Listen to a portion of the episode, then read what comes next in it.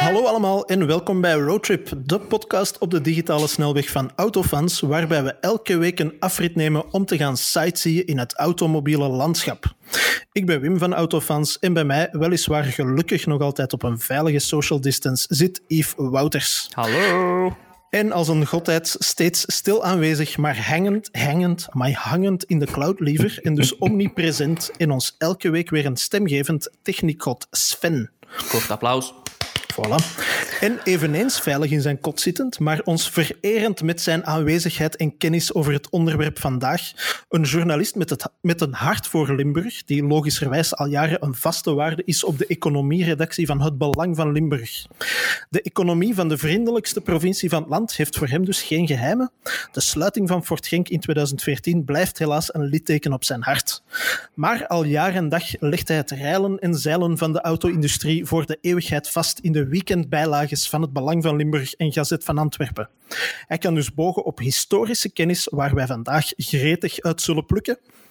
En bovendien zal hij onze Antwerpse aas heerlijk counteren met Limburgse tweeklanken. Guido Kloostermans. Hallo. Voilà. Guido, zoals ik al zei, ik heb altijd heel uitgebreide inleidingen. Ah, maar ik bijna in slaap gevallen. Maar goed, we zijn, Voilà. er, we zijn er nog. We zijn er. Het kan nu alleen nog maar fout gaan, ik.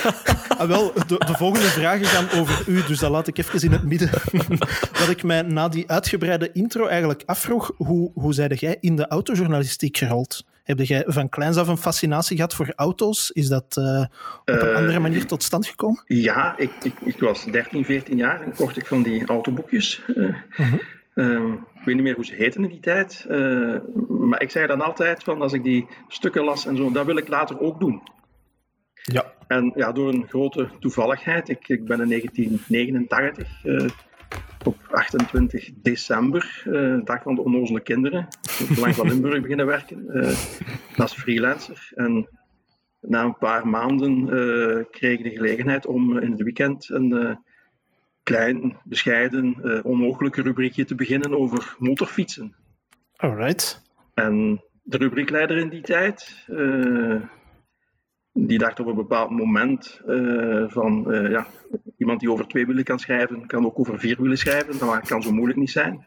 Dat was ook niet zo, want dat was ook niet moeilijk. En, eh, dus ik ben er eigenlijk in de loop van 1990, denk ik, ehm ingerold. Eh, de eerste stuk dat ik ooit heb geschreven, ik moet even nadenken, was over de Fiat Tipo eh Sedice Valvole. Wauw. Yves, dat vind- klinkt als iets dat wij direct moeten gaan opzoeken. hè? Ik vind het Ja, wel heel, heel Dat gek was, dat een heel, ongeveer... dat was een heel tof autootje, 2, 2 liter, eh, 16 klep. Toen Italianen nog tof, tof autootjes maakten. Eh 2 liter, eh, 16 kleppen, 150 pk. Eh, Heel tof. Eh, Wat voor die absoluut tijd eigenlijk ongelooflijk veel met is. de? Fiat Tipo eh, die er vandaag eh, rondrijdt. Nee, nee, nee. Ik merk vooral dat, dat alle mensen die, die waar we over vragen van wat is nu uw eerste stuk ehm, ooit geschreven, dat ze bijna allemaal antwoorden met een Italiaans automerk. Dat is heel Ja. gek. Dat is blijkbaar de norm. Dat iedereen in de tijd met een Italiaanse auto voor de eerste keer meeging. Dat is merkwaardig genoeg bij mij ook zo. Mijn eerste presentatie was de Alfa Romeo. Nu moet ik even denken. Giulia QV, als ik me niet vergis. Giulietta. Giulietta QV, inderdaad. Ja, ja, ja. Nou, we zijn toch al iets langer dan een maand bezig, hè, Wim? Allee, je zou het niet zeggen, hè, als je teksten leest, maar laten we toch ervan uitgaan dat iets langer dan een maand. Zeg, en, en ehm, Guido was, was... Je hebt gezegd van, van kind af aan wel gefascineerd door auto's. Was dat bij jouw ouders hetzelfde? Stonden er interessante auto's op de oprit of helemaal Eh, niet? nee, Eh, mijn vader was, was mijnwerker en die kocht ergens in de jaren 60, 6, 67 zijn eerste tweedehands auto, een DKW. Mhm. En die bleek na verloop van tijd, eh, bleek dat, dat was dus een tweedehands, en bleek dus een gekocht te zijn bij een of andere schoemelaar. Want die was ooit in brand, eh, had ooit in brand gestaan, was dan een beetje opgekalfaterd. En eh, dat was... dat was de eerste auto van mijn ouders. En die is dan gevolgd door, en dat moet ik wel zeggen, met kennis van zaken door een Mini. Ah, ja. Een rode, originele Mini drie deurs, waar ik als 12-jarige mee heb leren rijden. Ons in geweldig. de straat. En, en, Toch, toch op de openbare weg. Op de ah ja, openbare voilà, weg. zo, toch, toch niet ergens veilig. En hij had niet in brand gestaan, de Mini, deze Eh, keer. Nee, die heeft, eh, dat was een geweldig, geweldig autootje. Mijn, mijn ouders, eh, ik moest dan mee, eh, gingen Mhm. eh, elk jaar op vakantie eh, met, de, met de auto. En daar ging dan een wagen achter. En je zag die maar van die mini was natuurlijk geen spoor te zien. Dat was een heel grappig eh beeld. Voor elkaar had geknutseld trouwens. Mhm. En eh, dan, eh, de Mini is opgevolgd door een Austin Allegro. Ik denk een van de slechtste auto's die er ooit zijn gemaakt.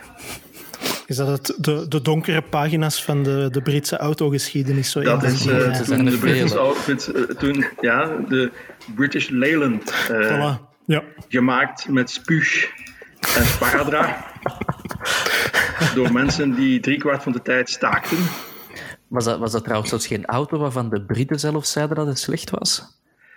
Ehm, dat is heel goed. eh heel En, goed en allee, dat wil toch al iets zeggen dat een Brit over een, een merk allee, uit zijn eigen land negatieve woorden heeft. Dus dan, dan is het toch wel echt heel was scheef. In, in de tijd dat de Britten slechte auto's maakten en waar de Volkswagen Golf in 1974 van geprofiteerd heeft, maar dat is dan het volgende onderwerp. Ja, Ah ja, dat klopt. ja. Maar dat is inderdaad een mooi bruggetje naar de reden waarom jij bij ons bent vandaag, Guido. Want eh, wij hebben ons laten vertellen, eh, niet in de eerste plaats door uzelf, dat jij eigenaar bent van een Golf GTI, als ik mij niet vergis. Nee, dat klopt. mocht niet zomaar GTI zeggen, hè. Eh, Nee, eigenlijk niet. Nee. Het is een Golf GTI Clubsport 2016, eh 40-jarige verjaardag eh, van de Golf eh, GTI. I, I in, mijn stand ogen, corrected. in, in, in mijn ogen de beste GTI die er ooit is gemaakt. Eh, handgeschakeld, drie deurs. Eh, waarschijnlijk de laatste handgeschakelde Golf GTI. Eh, sowieso de laatste drie deurs Golf GTI. En ja, vergeleken met de normale Golf GTI, toch een heel groot verschil. Zeg, en, en eh, knalrode, hè? Zeg je ook? Knalrood, Guido? ja. ja, ja. U- Zo, uw, uw kinderen, wat zeggen die ervan als, als zo, hè, papa met een, een knal... Of Ja, kleinkinderen eh, met een knalrode... Mijn, mijn zoon, die wat eh, autorijden veel nuchterder is dan ik, die zei van papa, weet jij wel hoe oud dat jij bent? en heeft hij van u ook zo'n spoiler? Hij had, hij had die auto ergens gezien in de brochures of zo. En, Eh, en- ja, ja, ja, ja. Oké, ja, ja. En papa heeft, heeft een, een, golf, een rode golf met een spoiler gekocht. Zo, Ja. zo ziet hij dat dan. En Ja, twee uitlaten. eh, ja maar Is er, het, is nog eh, niets, er is nog niets veranderd aan de uitlaten, Guido. Er is nog geen rem zonder. eh, nee, nee, nee, nee. nee. Ah, en, en niet, waarom niet eigenlijk? Wat, wat is er mis? Of zo ja, wat ik- plofjes in de uitlaat? En, Of een en- vossenstaart. Of, eh, Ik, Ja. eh, ik zou niet weten wat er nog zelf moet, nog moet aan verbeterd worden. eh. Ja, Eh, mijn, mijn antwoord zijn dan altijd twee strepen over de motorkap, hè. Maar ja, ja, kijk, ja, sneller was Was- dat niet. Was, was uw Yaris, Yves, niet een Yaris waarvan achter zo een manneke op stond dat tegen een flitspaal aan het plassen was? Ja. Nee, dat was op, dat was op de zijkant. Dat was aan Op de het zijkant, tankklepje. ja, kijk. Van achter was zo... Ik weet niet wat dat, dat ooit gegroeid is. ehm, en ik zit op sommige auto's nog zo een ventje dat precies van onder de carrosserie komt kijken. Zo. Dat is zo'n stuk zwart en dat lijkt of hij heeft een stuk carrosserie vast. En hij kijkt dan absoluut fout. In de jaren tachtig waren dat van die vingers die zo tussen de koffer zaten. Hè? Die dat je zo op je, eh, op je dingen moest plakken. Oei, dat weet ik niet. Ik dacht De dat jaren Ah, ja. tachtig, Yves, dat is... eh, Ik ben een paar jaar geleden naar een eh, Golf GTI-bijeenkomst geweest in Wolfsburg. 5000 golfjes. Eh, mijn aanwezigheid eh, verdubbelde daar meteen de gemiddelde leeftijd. Eh, maar ik, ja, dat was, dat was een hallucinante belevenis. Eh, ik was daar ook de enige met een Golf GTI waar niks aan veranderd was. Ah ja, voilà. Ah, ja. ja. Eh, ja, ja, ik had daar de prijs van de originaliteit eh, kunnen winnen, want ik was de Ah, enige die daar origineel was. Ja, jij was echt uniek, Guido. Ja, dat was echt ja, uniek. Ja, ik, had zelfs, ik had zelfs geen petje. Zelfs het, petje. is het uw eerste Volkswagen, Guido, of heb je er in het Eh, verleden nee. nog gehad? Het is eh, de tweede Golf. Eh, De eerste Golf was een Golf 3. Rood, drie deurs, handgeschakeld. Automaat bestond in die tijd nog niet eh, bij de Golf. Een TDI. eh, en dat was hier, eh, 94, eh, 95. De Golf TDI Rolling Stone. Oh ja, die, die had inderdaad veel De van die speciale Golf, eh, reeksen. ja, Golf heeft zo'n aantal eh, speciale reeksen gehad. Eh, er was ook de Bon Jovi. Bon Jovi, ja, Ja. inderdaad. Waar een, eh, voormalige buurvrouw van zei van ik heb ook nog, die had ook een golf gekocht, de Bon Jovi, zei ze.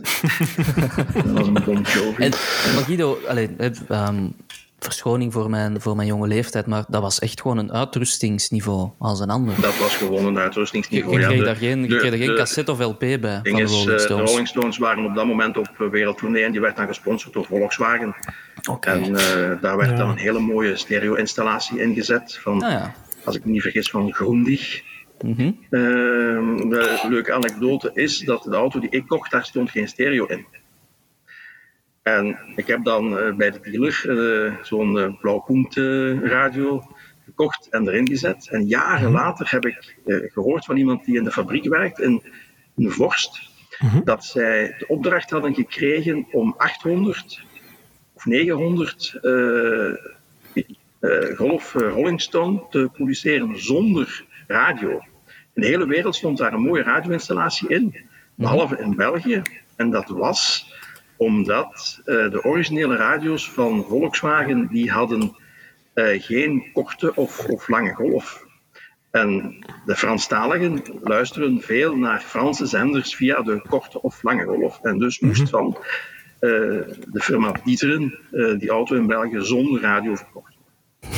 Ja, wel. Want dan, mocht, dan kon niemand luisteren naar radio. De, de Een veel betere Franstalige, oplossing Franstalige eigenlijk. klanten konden eh, anders niet naar Franstalige zenders luisteren. Hoe geweldig is het dat je een auto koopt die geïnspireerd is op een, op een, op een eh, muziekinstituut en dan, ja, maar het is zonder radio. Dat vind ik, wel, dat vind ik ook ongelooflijk. Dat, only in Belgium. Only in Belgium, zoiets. hebben van, van de Golf 2 hebben ze ook van die speciale reeksen gehad. Hè? Maar die, dat waren geen muziekthema's, maar dat had zo'n Amerikaans thema. Ik herinner me zo de, de Golf 2 Manhattan en de Ja, Long ja, ja, Beach. ja, ja. Oh boy. Er zullen zo Oh, nog boy. wel geweest de, denk ik. de Golf 2 Rabbit, denk ik, eh, omdat hij in de Verenigde Staten heet hij Rabbit, dacht ik. Ja, eh. ja. Inderdaad. Het, leuke aan die Golf eh, TDI was, eh, en dat was destijds een eh, statussymbool, de, de dubbele uitlaat. De Golf, eh, eh, gewone, eh, dus zonder turbogolf, eh SDI heette dat. Eh, 70 of 75 pk, die had een enkele uitlaat. En de Golf TDI had een dubbele uitlaat. Dat was een statussymbool. Want die had maar liefst 90 pk. Ah, ja. Dat is zoals eh, bij de Golf 4 in de tijd, het rode i'tje. Ja, Van TDI. ja, het laatste i'tje, als dat rood was, dat was Dan altijd hadden ze beter. ook nog het, eh, de rode D, en dat was dan de 1900 poempenduizen met 150 pk.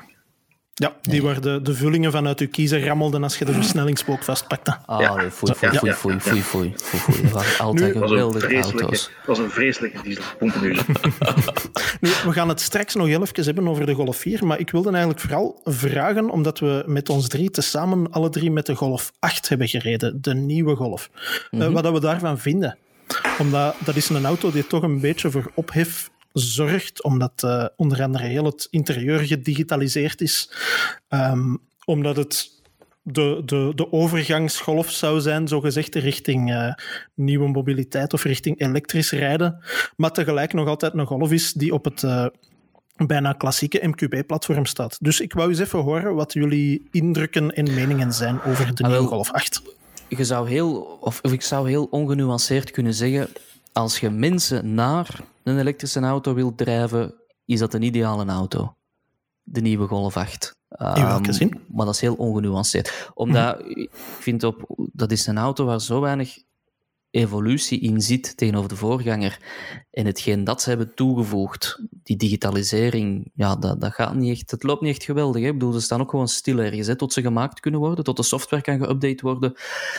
Ja, dat bewijst gewoon dat, dat er bepaalde andere merken zijn die, die wel verder staan. Ik heb zo bij mij het gevoel, deze generatie ehm, Golf en, en Skoda Octavia en Seat Leon, hè, de auto's die Audi A3, die, die allemaal broeders van elkaar zijn, ehm, dat zijn kinderen na Dieselgate.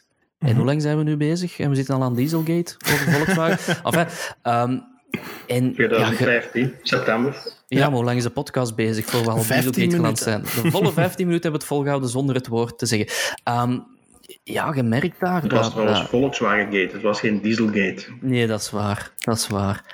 Ehm, Voilà. Daar je wordt daar- door je een echte daar- journalist terecht gewezen. Hè? Je merkt daar dat er een, een, een besparingsronde geweest is. Ik heb toch dat gevoel dat er minder R&D in, in auto's gestoken is. Ehm, en ja, dat laat zich stilaan blijken, vind ik. Dat is geen Ja. slechte auto, hè. Maar wat is er mis met de, de uitgaande golf? Of allee, de vorige golf, de 7, tegenover de deze? Ik, ik merk weinig. Wat, wat mij is opgevallen met, met, met de Golf 8, dat is dat je tot nu toe bij elke Golf, die was helemaal nieuw, je zag dat niet altijd. Hè? Dus de Golf is consequent, heeft dat design consequent verder geëvolueerd. eh, Never change a winning team. Hè? Mhm, mhm. Ehm, elke Golf was merkelijk beter dan de vorige. De Golf 8 is de eerste Golf waarvan ik vind van die is niet merkelijk beter dan de vorige. Qua afwerking binnenin, qua de Duitsers noemen dat kwaliteitsaanmoeting, hè, de indruk van kwaliteit, vind ik de 7 en vooral de 7-2 Mhm. vind ik beter dan de 8. Ehm, waar heeft dat mee te maken? Ik denk dat dat. Ja, Volkswagen zit natuurlijk meer dan andere constructeurs eh, met die elektrische, elektrische transformatie richting, eh, richting ID3 en, en andere modellen. Ehm, daar wordt vooral in geïnvesteerd. Ja. Eh, ja, conventionele motoren, diesel, de conventionele golf, dat is een aflopende zaak. Dus 2030, 2035 mogen er waarschijnlijk in een aantal Europese landen geen verbrandingsmotoren meer gekocht worden. Dus waarom zouden we nog veel geld investeren in iets wat, ja, in een dinosaurus, eh, bij wijze van spreken? Ja. Dus Ja, dat, eh, ja, ik, ik vraag mij trouwens af of er nog een Golf 9 gaat komen. Ik weet dat niet. Eh, Ik heb het gevoel ook dat ze deze generatie.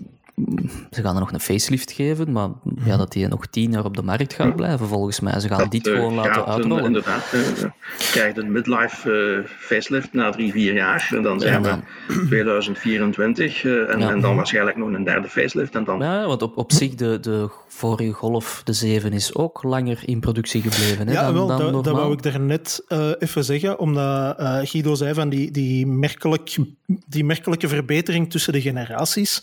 De nieuwe Golf, dus de Golf 8, heeft inderdaad iets langer op zich laten wachten dan gepland. Hè, want de, de, de Golf 6 kwam er na vijf of zes jaar, denk ik, eh, ten opzichte van de Golf 5. Ehm, de Golf 8, als ik mij niet vergis, heeft er ik denk een jaar of zeven ongeveer over gedaan. En dat is al langer dan gepland. En als je dan spreekt over die merkelijke verbetering tussen de generaties, dat was mijn indruk van. Er zijn punten waarop hij verbeterd is, maar als hij dan verbeterd is, is het inderdaad niet van die aard dat het echt, ja, dat het echt in het oog springt. Hè. En ja, als we dan spreken wat het meestal opvalt, dat is dat het digitale aanbod, eh, dat digitale dashboard, eh, het is een beetje een ziekte van alle Duitse constructeurs, eh, dat ze dat allemaal zelf willen ontwikkelen. Eh, meestal werkt dat dus voor geen meter. Ik heb al wel eens voorgesteld dat alle ingenieurs die met multimedia en met connectiviteit bezig zijn, van, van alle Duitse merken, eh, van alle merken eigenlijk gewoon eens een week of twee weken op stage zou moeten gaan bij Tesla. En Ja. die dat daar eens te goed laten uitleggen van hoe goede multimedia en hoe goede connectiviteit werkt. auto. Ja, Nee, ja, dat wel. is. Ja, Dat ik heb ook- inderdaad ook zo'n beetje het gevoel van, ja, als je Tesla aanhaalt, dat is cru gezegd een IT-bedrijf dat toevallig computers op vier wielen maakt met Ja. een stuur aan. Maar eh, een Volkswagen kan natuurlijk niet bogen op, op, op de Silicon Valley-ervaring of op, op gewoon ja, heel die, die IT-cultuur die daar rondhangt. En dat is en iets wat ze ze de laatste dan- jaren noodgedwongen moeten ontwikkelen. Ze willen dat dan zelf doen. En ja, dat, eh, als je een Tesla Model 3, dat, dat, eh, dat die connectiviteit, de manier waarop dat, dat werkt, de intuïtiviteit, de simpelheid, dat, is, dat kent zijn gelijke niet. Hè.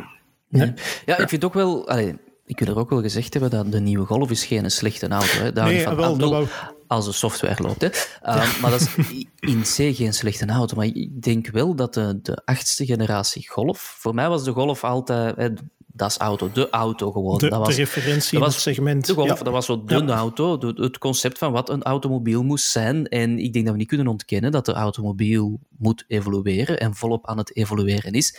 En dat gaat de Golf nooit doen. De golf is het, het instituut dat niet gaat evolueren. Dus wat wil dat dan zeggen?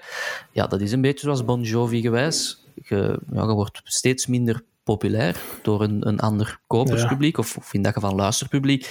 En je, je raakt wat in de vergetelheid. En dan gaan mensen nog altijd golven blijven kopen. Hè? Maar ik, ik voel hier ook wel dat de evolutie die de golf moest zijn, is de ID3. En Volkswagen heeft ervoor gekozen om de ID3 te maken en niet een elektrische golf.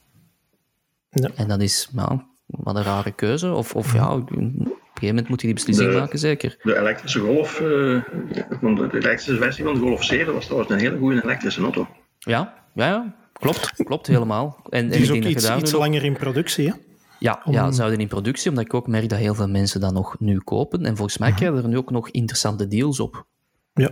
Wat mij wel is opgevallen met de nieuwe Golf, dat is die vernieuwde, eh, die nieuwe dieselmotor, die 2 liter met, met 115 pk, dat is een juweel van een motor. Ja, Ah, ja. Eh, ik Ja. heb daar eh, 4,2 liter op 100 kilometer mee verbruikt. Eh, dat, is, eh, dat is ook qua, qua, qua hè, zeggen de Duitsers dan. Eh, qua, qua beschaving, qua, qua, qua cultuur is dat, dus, dat, is, dat is perfectie. Hè. ja, dat is inderdaad een hele zachte, stille En, motor. en, dat, eh, en als je dan kijkt naar de, naar de WLTP-cijfers en de, en de, en de NOx-emissies eh, van, van alle moderne diesels trouwens, eh, die zitten ver onder die 80, eh, Ja. 80 eh, milligram per, per kilometer. Zelfs ja. in RDE-omstandigheden. Dat is het, het perverse aan heel dat verhaal. Hè. De, de diesel is nog nooit zo groen, en ik haal het tussen aanhalingstekens, want hè, dat is wat de massa denkt dat groen is, geweest als nu. En dan hebben we het over NOx.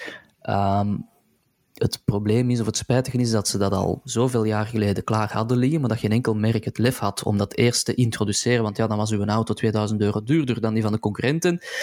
En daarboven, en dat vind ik vooral de doodsteek van diesel, is niet zozeer de vervuiling, want moderne diesels zijn heel goed, mate van het mogelijke. Ehm, maar er hangt zo'n fabriek achter dat je inherent, als je geen kilometers doet, in de problemen gaat komen.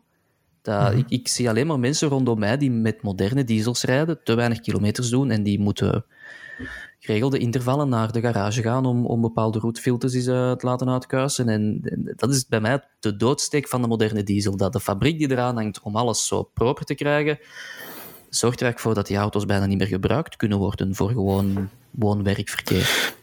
Ja, de, de diesel heeft eigenlijk een beetje een, een, een heel specifiek doelpubliek gekregen nu. Dat is nu echt alleen nog voor de mensen die effectief veel kilometers... Ja, ja bijvoorbeeld ook. Maar, maar voor mensen die ritten van minstens 30 kilometer doen, bij wijze van spreken. Maar, maar niet meer zoals 10, 15 jaar geleden, Ja. dat iedereen het kreeg aangeboden met een mooie premie van de overheid. En waarbij 90% gewoon voor rond de kerktoren was bedoeld. Hè. Ah Ja, voilà. Ik vraag me ook... Allee, en, en geen enkele ingenieur kan me daar een antwoord op geven. Ehm, Mercedes houdt vast, of houdt vast, biedt plug-in modellen aan met dieselmotor. Hè, de C300TE en de E, wat is dan ook 300TE, denk ik gewoon. Ik vraag me de stelligste af, als ik daarmee rijd, naar het Autofans hoofdkwartier, ik rij de hele tijd elektrisch. En de laatste 5 à 6 kilometer springt de dieselmotor aan, want de batterij is op. Ja, als je eigenlijk elke dag maar 6 kilometer met een dieselmotor rijdt, dat lijkt mij helemaal niet gezond op termijn. Nee. Ik denk dat je gewoon een... een allee, dat, is, dat is een accident waiting to happen. En niemand kan me daar een antwoord op geven. Bij Mercedes zeggen ze ook van, ja, maar dat is erop voorzien en er zijn veiligheids... Maar ja, ik vraag me ten stelligste af dat dat wel is. En dat is bij mij het grote probleem met de moderne diesel. Spijtig genoeg. Ja, om terug te komen op de, op de Golf. eh, Golf 8, denk ik, opgevolgd door de, de ID3. Dat is de afsluiting van een tijdperk. eh, dat eigenlijk met de Golf in 1974 begonnen is. Ja. Eh, in 1974 zat Volkswagen in zeer grote problemen. Ehm, zij hadden sinds ze hadden eigenlijk alles wat Volkswagen tot dan had gemaakt, Passat, eh, noem maar op, eh, was allemaal een doorontwikkeling van de kever. Zelfde technologie, luchtkoeling, motor op de achter, achteraan, achterwielaandrijving. Dat was uitgemolken tot en met. En dan is de Golf heeft eigenlijk Volkswagen gered. Eh, heeft in mijn ogen voor een stuk ook de Europese auto-industrie gered. Want op dat moment waren de Japanners, zeker eind jaren 70, begin jaren 80, de Japanners waren zeer sterk in Europa. En wat Volkswagen nu doet met een idee, is opnieuw het redden van de Europese, of tenminste het redden van, van het eigen vel. En bij uitbreiding dat van de Europese auto-industrie, want iedereen zal moeten volgen in die elektrificatie. En toen in 1974 is de eerste Golf gelanceerd. Ik denk twee jaar later was dat de eerste Golf diesel. Uh, dat heeft gezorgd voor een enorme revolutie uh, op dat moment uh, in, in, de auto-industrie. Ja, heeft. Nu, ja, zeg maar, Yves. Ja, het is zoals, zoals, zoals Guido zegt, van, hè, de, de ID3 gaat, is, het, is het nieuwe hoofdstuk van misschien de Europese auto-industrie. Dat is de um, nieuwe golf. Dat is een nieuwe golf, ja. Voilà, Hij is ook zo aangekondigd, denk ik. Hè? Hij is voilà, ook aangekondigd net, als uh, ja, net zoals het, het nieuwe Beetle, hoofdstuk in de Volkswagen-geschiedenis. Voilà. Ja. Nu, wat ik in, in dat verhaal wel heb, is dat ze hebben het toen bewezen. Hè, mm -hmm. Dat de Golf de Beetle kon opvolgen en, en, een enorm succes kon zijn. En zoals gezegd, een Europese auto-industrie een, een boost heeft gegeven. Ik weet niet dat Europa mee op de elektrische kar een voortrekkersrol gaat kunnen spelen. Ik, heb daar echt, ik, ik voel dat niet. Ik vind dat, dat Japanners veel verder staan. Ik vind dat zelfs Amerikanen veel verder staan in dat verhaal. En... Maar, maar, maar uh, tegenspraak? nee, natuurlijk. Uh, Go for it. In Japan, wie? Ik denk dat, dat Nissan heeft daar, heeft daar een hele grote voorsprong. Ze verkopen nog altijd auto's met verlies, hè? Maar um, Nissan heeft op technologisch vlak geen voorsprong, hè? Op, op nee. elektrische auto's. Nee. nee. Krijgen we de Nissan Leaf, hè? Ja. Klopt, klopt, klopt. Dus ik dat ben, is geen, ik, trouwens, bij uitbreiding... Het gaat, het gaat in de, auto, in, in de auto-industrie tegenwoordig zo snel, dat toen ik begon te rijden met de Nissan Leaf, en dat was eind 2018, mm -hmm. was dat het, het neusje van de zalm voor elektrisch rijden aan een betaalbare prijs. Hè. Mm -hmm. Tesla even buiten beschouwing gelaten. Mm -hmm. uh, vandaag is de Nissan Leaf is achterhaald, hè. Ja, Tuurlijk, Als je de Nissan Leaf vergelijkt met een, met een ID3, dan is de, de Leaf is, is achterhaald. Uh, 40 kilowatt uh, basisversie, 62 kilowattuur in zijn topversie. Uh, laden tot maximum 100 kilowatt. In, in, mijn versie is dat nog 50 kilowatt. Mm -hmm. dat, dat is... Nu, je vergelijkt wel met een auto dat er nog niet is, hè, Guido? op papier is de ID3 een heel sterk product. Ja, maar ik, ik merk in theorie ja, dat er wel wat problemen zijn die overwonnen moeten worden. Uh, massa's-problemen. Uh, corona ja. heeft daar niet aan, aan geholpen, natuurlijk. Nee, dat is er uh, inderdaad nog bovenop gekomen. Hè? Plus, dat is eigenlijk hetgeen wat ik daar net... Ja, dat is hetgeen wat ik... Ja, zeg maar, zeg maar. Ja, sorry. Ik, zie bijvoorbeeld, Nissan, Nissan gebruikt nog altijd de Japanse Shalemo-stekker. Mm -hmm. Ja. ja. kan daar En ook- dus ook echt nog- met mijn verstand niet bij. Hè. Dus, En ook nog luchtgekoeld wel, de batterijen. Ja. Ja, dat is waar. Nu, allee, los daarvan, ja, ik heb het gevoel dat, dat bijvoorbeeld Toyota ook met de, de hybride aandrijving en, en ik, de, de Europese, dat is cru gezegd, hè, de Europese arrogantie van wat wij hier doen is, is zo moet het.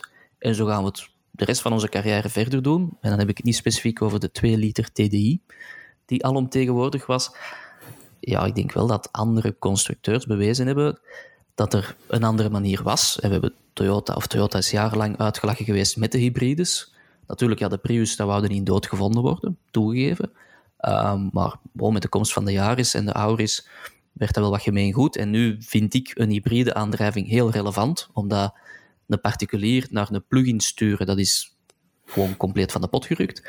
Ehm, en dan is Tesla daar nog tussen gekomen, en nu met de Model 3 ja, bewijst dat je voor een lage prijs een enorm interessant technisch pakket aan mensen kunt aanbieden. En ik heb nog geen... 48.000 euro vind ik geen lage prijs. hè. Nee, ik, ik weet wat je bedoelt. Maar natuurlijk, dat zijn, dat zijn auto's voor de leasing. Hè. Een Passat is voor mij ook een auto voor de leasing, niet meer voor de Ja, particulier. en, en dan is dat een lage Ja. prijs.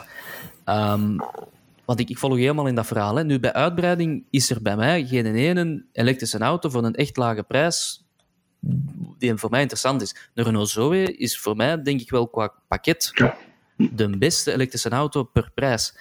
Ehm, ik vind een MG ZS EV, ik weet niet wie die allemaal gereden heeft hier.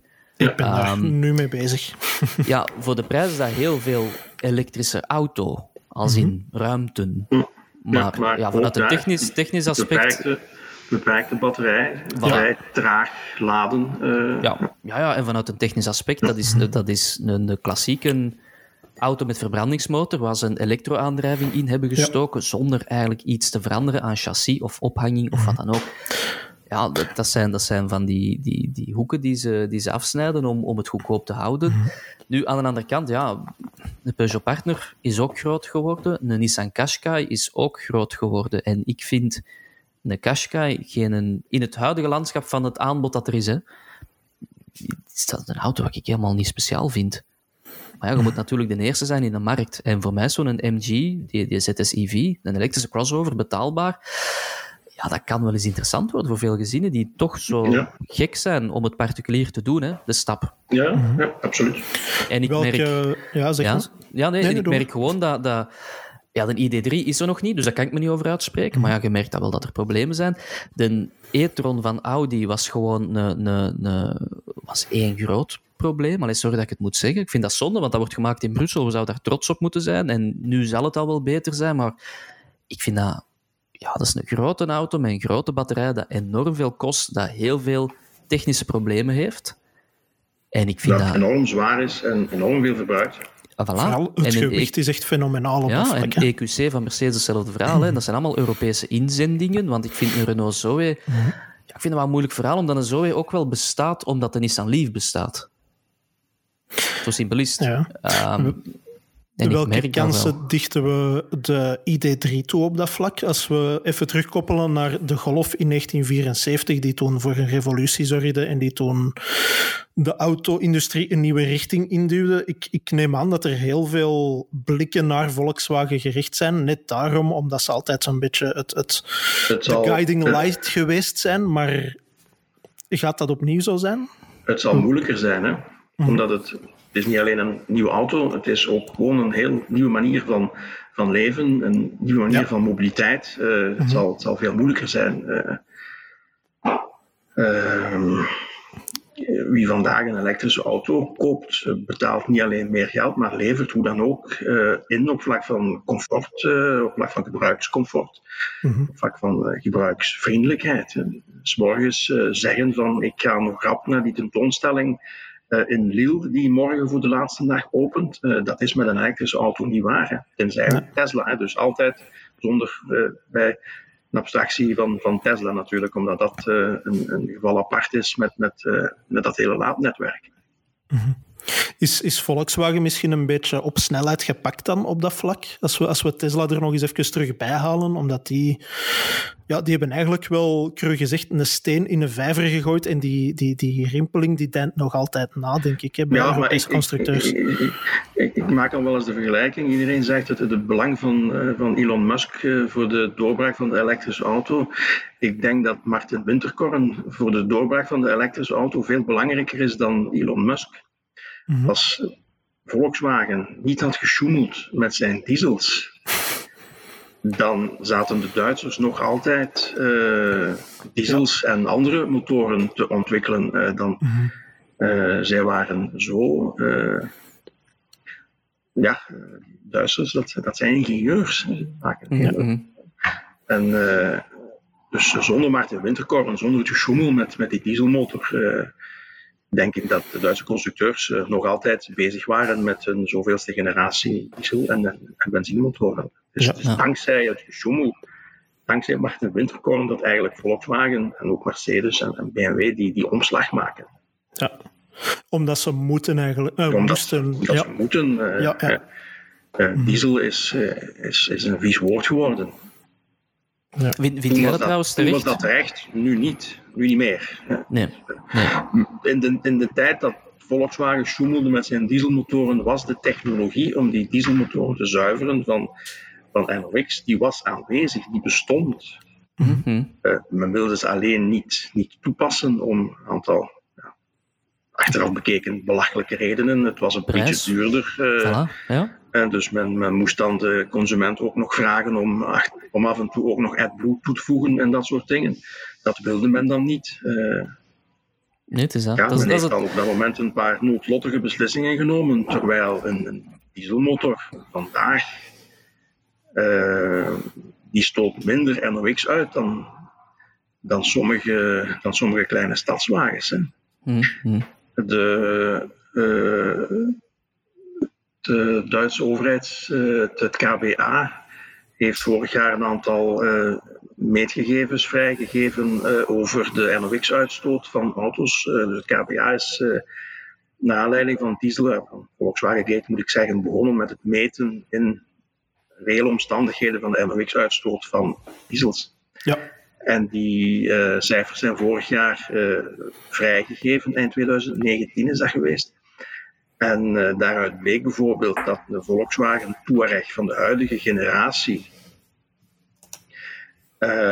dat die minder, Volkswagen Touareg diesel 3 liter V6 DDI, dat die minder NOx uitstoot dan een kleine stadswagen. Maar je moet niet proberen om te zeggen tegen iemand van ja, een Volkswagen Touareg is milieuvriendelijk. ah ja, natuurlijk. Voilà, voilà, voilà. Zoals er vorig, was dat vorig jaar ook eens gekopt werd uh, door, door uh, algemene media, van dat de, de Mercedes C-klasse de lucht zuivert of zoiets. In, in waar was het? In uh, Stuttgart? Waar het, de... het ging, dacht ik, niet alleen over de Mercedes, maar over... De, of de moderne diesels of zoiets. Het, ja, ja, ja, inderdaad. Nu, iets totaal anders, en ook wat hetzelfde. Um, Guido, ja, je hebt de Nissan Leaf, elektrisch, en dan de GTI, de clubsport. Um, heb je nu het gevoel, als je in die clubsport stapt, dat je dan zo in een, ja, hoe moet ik dat zeggen, in een oude generatie auto's stapt, genre van elektriciteit is de toekomst, en, en dit is echt precies zo van, ja, terug zo met de kolen op de trein scheppen? Uh, ja, soms wel, ja. Ja, ja? ja absoluut. Absoluut. Uh, ik denk trouwens dat uh, de combinatie van een elektrische auto voor elke dag en mm -hmm. de hobbyauto voor in het weekend, dat,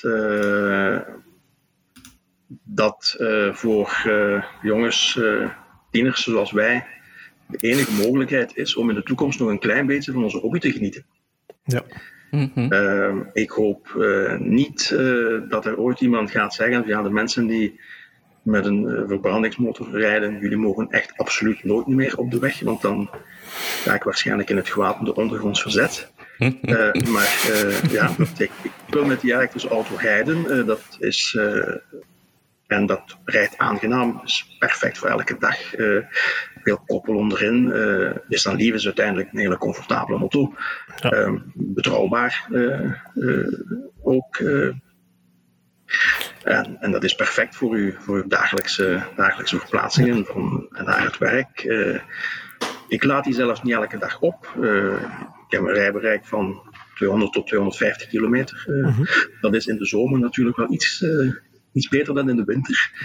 Uh, maar dat is perfect voor uw dagelijks verkeer. En, en, en de, de clubsport geeft jou toch nog een tinteling dat de lief niet kan geven? Ja, natuurlijk.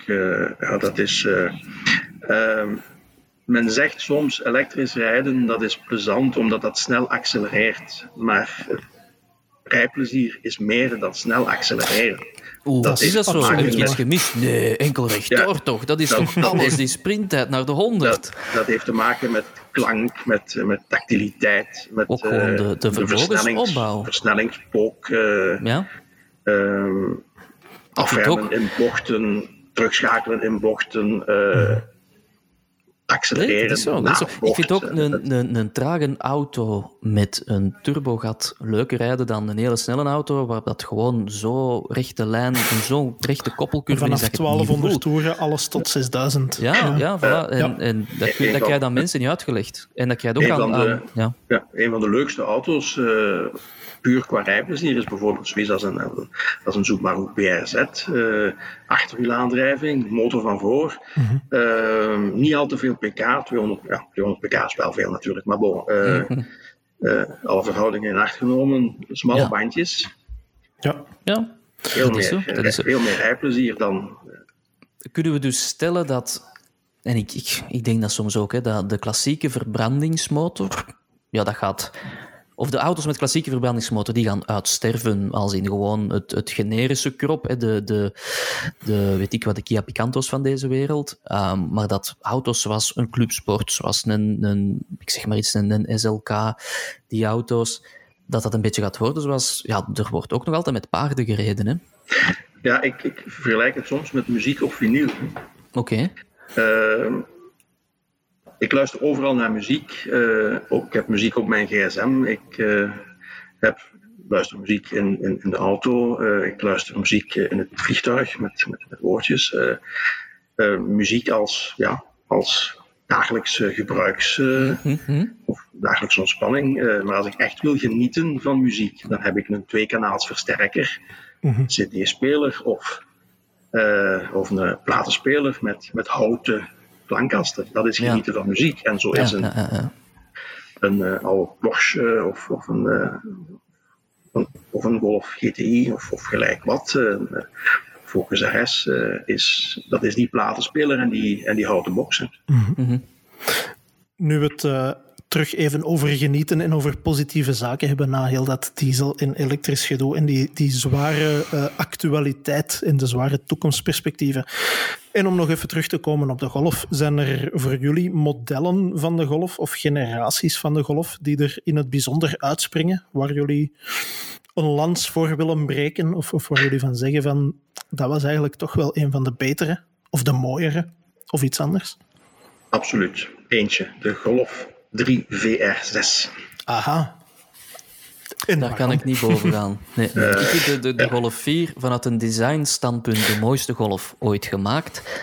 Um, die is ook trouwens met die motor als R32 dan, was, denk ik.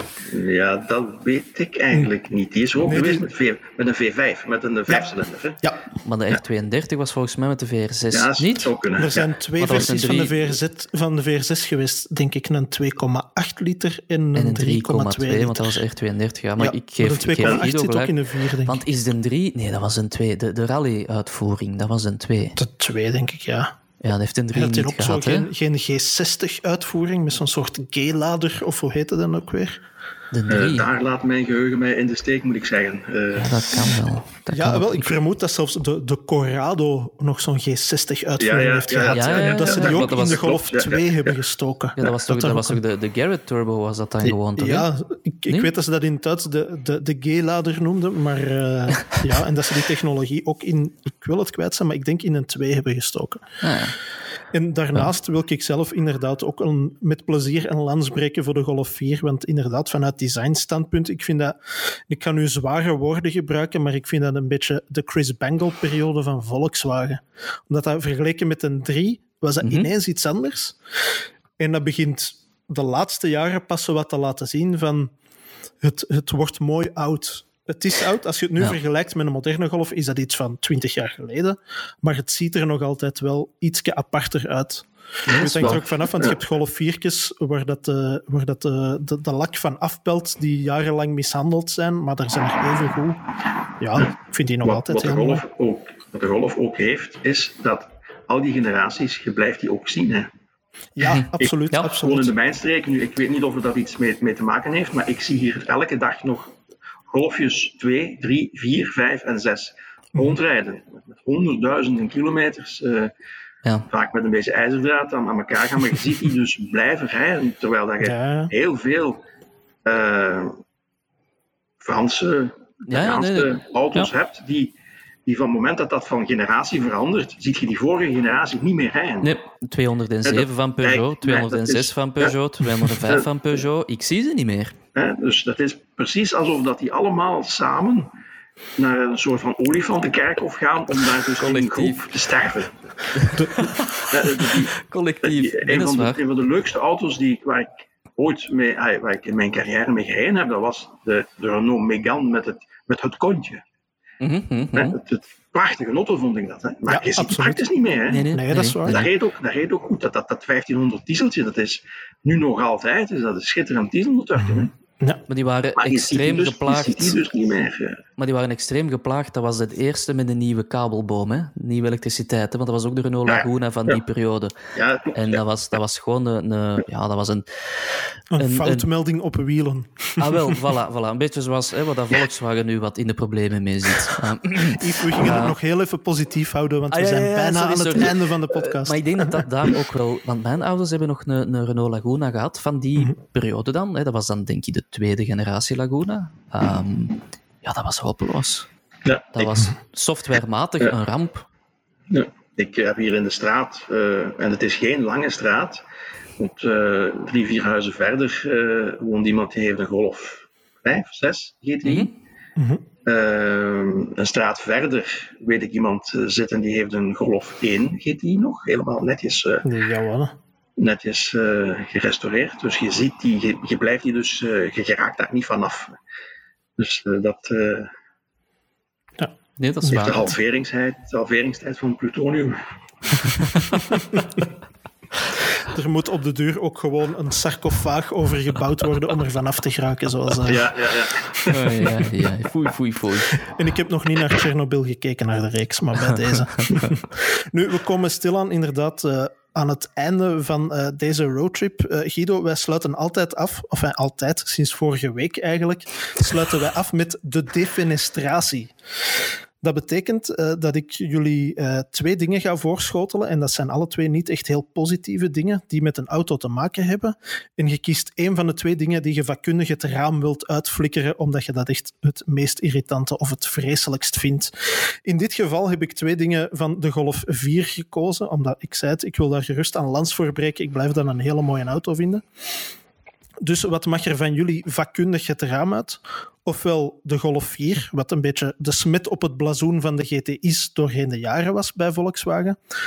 Ofwel de TDI, waar we het uh, helemaal in het begin over hadden, met de pompverstuiver, waar de vullingen van uit uw kiezen rammelden.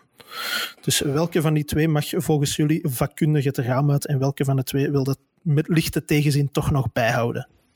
De pompenduze. Die mag blijven. Nee, nee, of die mag, die het, mag raam weg. uit. Die mag het raam uit, ja. Ja, ja, ja. ja, ja. Ja. Uh, in een uh, metaaloven en, en smelten. In een Ik herinner me, sarcofaag. ik herinner me nog in de tijd dat daar veel problemen mee met olieverbruik. Mhm. Uh, Ford-dealers, omdat de Galaxy werd in die tijd, dat was samen met de Charan, dat was dezelfde Ja. auto. Mhm. Maar dat waren dus Volkswagen-motoren, Volkswagen TDI-motoren. Pompensduizen, denk ik, ik ben niet 100% zeker. En als je met je Ford op onderhoud ging, dan kreeg je altijd een liter olie mee. Als je je auto ging halen. Nee, ja, ik, ik, eh, ik volg Guido in die zin dat ehm, ja, de, de GTI van, van de Golf 4 was geen hoogtepunt. Ehm, maar ik, je moet dat nog vergeven, omdat soms moet je een dieptepunt hebben om nieuwe hoogtepunten te kunnen bereiken. Hè? Het kan Dat is, niet eeuwig naar dat boven is gaan. heel mooi gezegd. En ja, die auto heeft ervoor gezorgd dat Volkswagen wakker geworden is. En dat ze zoiets hadden van, oké, we moeten het GTI-naamplaatsje wel beschermen en zorgen dat dat heeft, echt wel een plaats heeft dat geaccepteerd wordt door de echte GTI-rijders. Ja. En ik ben echt van overtuigd, als de Golf GTI, vierde generatie, goed ontvangen was, als in van dit is geweldig, dit is het beste op sportieve vlak dat een merk kan bieden, dan had Guido nu nooit een clubsport gehad. Maar dan had Volkswagen gewoon verder gegaan op dat elan van mensen willen gewoon een comfortabelere, snellere Golf. Geen hardcore model. Ja. En ja, zo'n diesel, dieselgolf van die periode, TDI's, daar beginnen we niet over. Dat, eh, ja. Ik wou daar misschien toch nog heel even iets aan toevoegen. Ik, we- nee, we beginnen er niet over, Wim. We doen het niet. We doen het niet. ik ga het toch nog doen, want we hebben nog een, een, een minuut ongeveer over, denk ik, als we het alles strak timen. Maar eh, omdat het ging over de olieproblemen met de TDI, en ik wil het even aan, eh, aan de eminente kennis van Guido vragen. De SDI, was die betrouwbaarder op dat vlak? Ik heb een paar dingen gelezen van dat die kilometers kon blijven meegaan, maar ik heb daar zelf te weinig ervaring mee. Of, of ik ben, ja, ik, ik was toen iets te jong om dat allemaal actief te volgen, maar Ik kan daar niks stil over zeggen.